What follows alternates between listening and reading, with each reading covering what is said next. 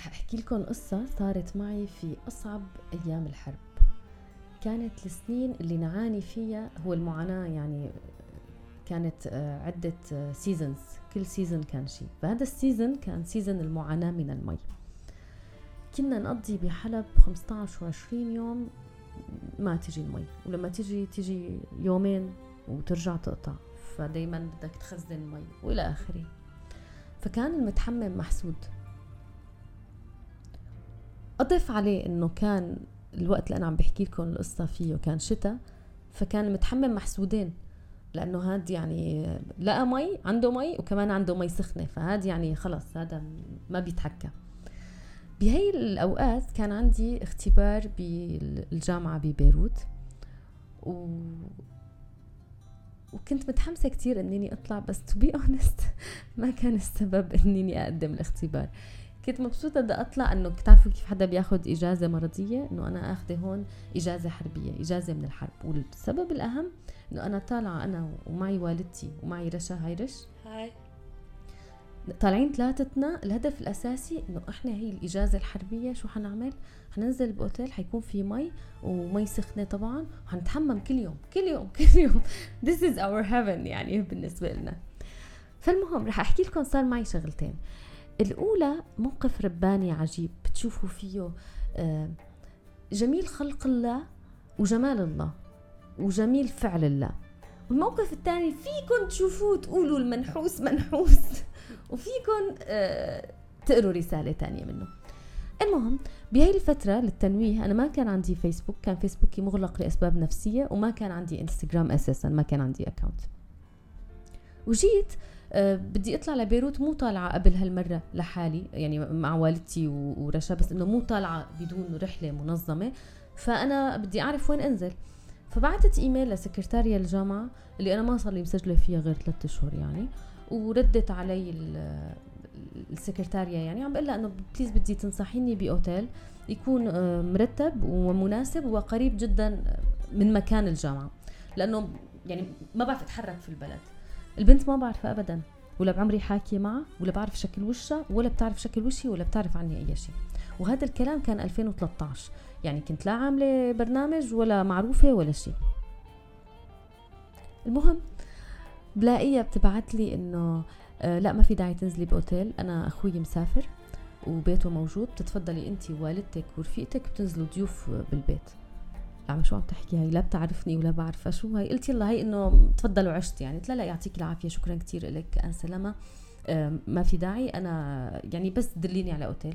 قال لا ما حدلك على أوتيل. رح تنزلي عنا بالبيت. البيت موجود وبيت فاضي وما عم نستعمله. تفضلي بتنزلي فيه.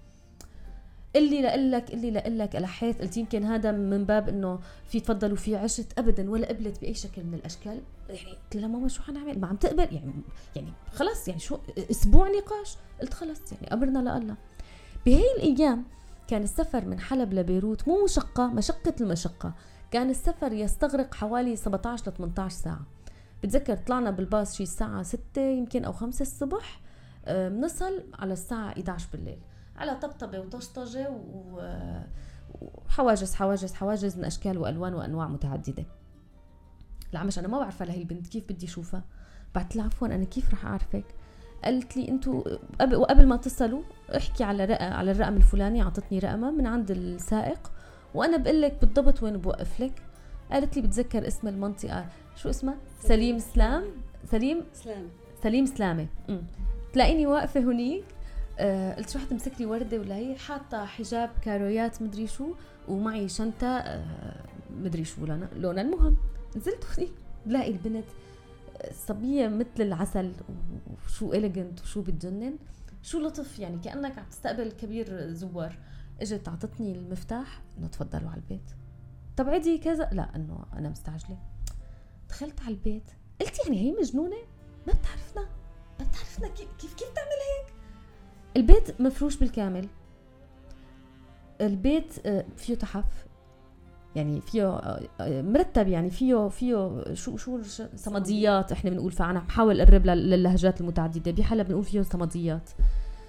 الخزن مكان ما قالت لي فيني حط الملابس عم بفتح مثلا ثلاث خزانات جنب بعض. في خزانتين بيكونوا مليانين لبس بالتيكت تبعهم. طب يا الله يعني كيف استأمنتيني؟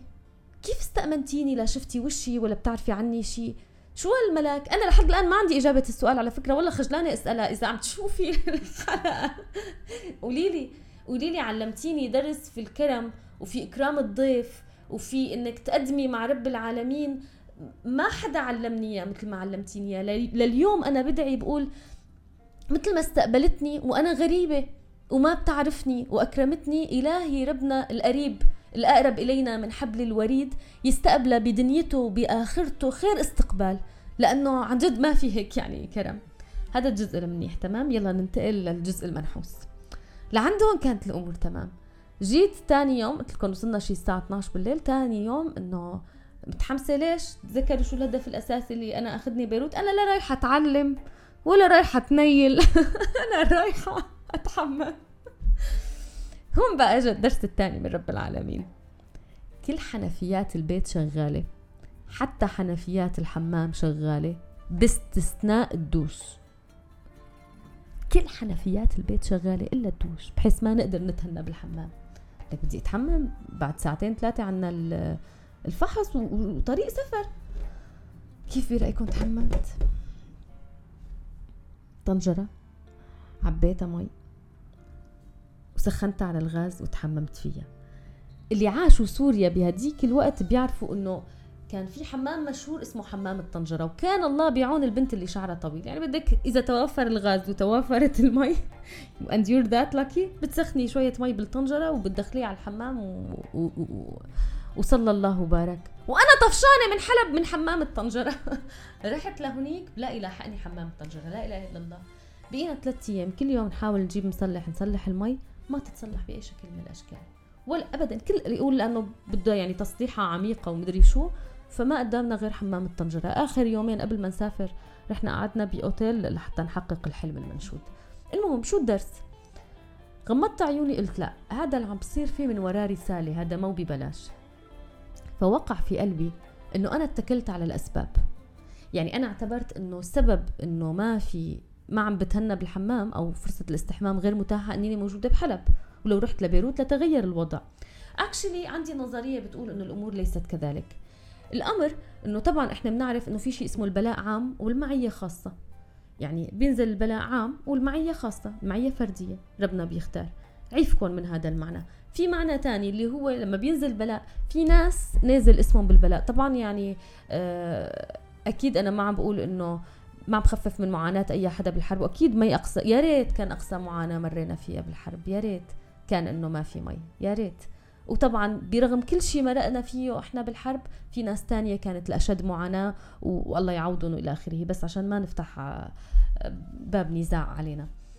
المهم ففي بلاء بينزل بالاسم يعني نازل اسمي بكشف الأسماء الناس اللي اللي حتتحمم وتبوز بالحمام وما تلاقي مي.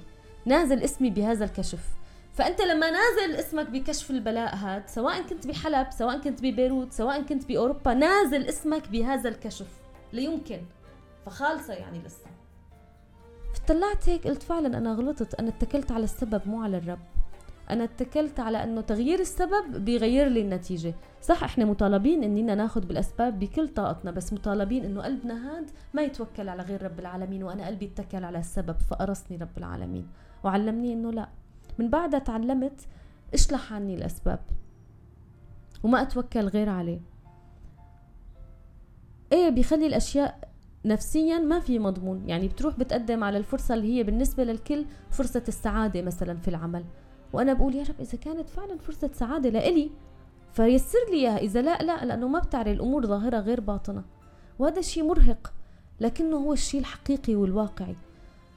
فالدرس الخلاصة إنه ما في أسباب. الأسباب هي أرجوزات في مسرح الحياة. آه، ديكور مسرح. إحنا بناخذ بهذا الديكور بس مش مصدقينه.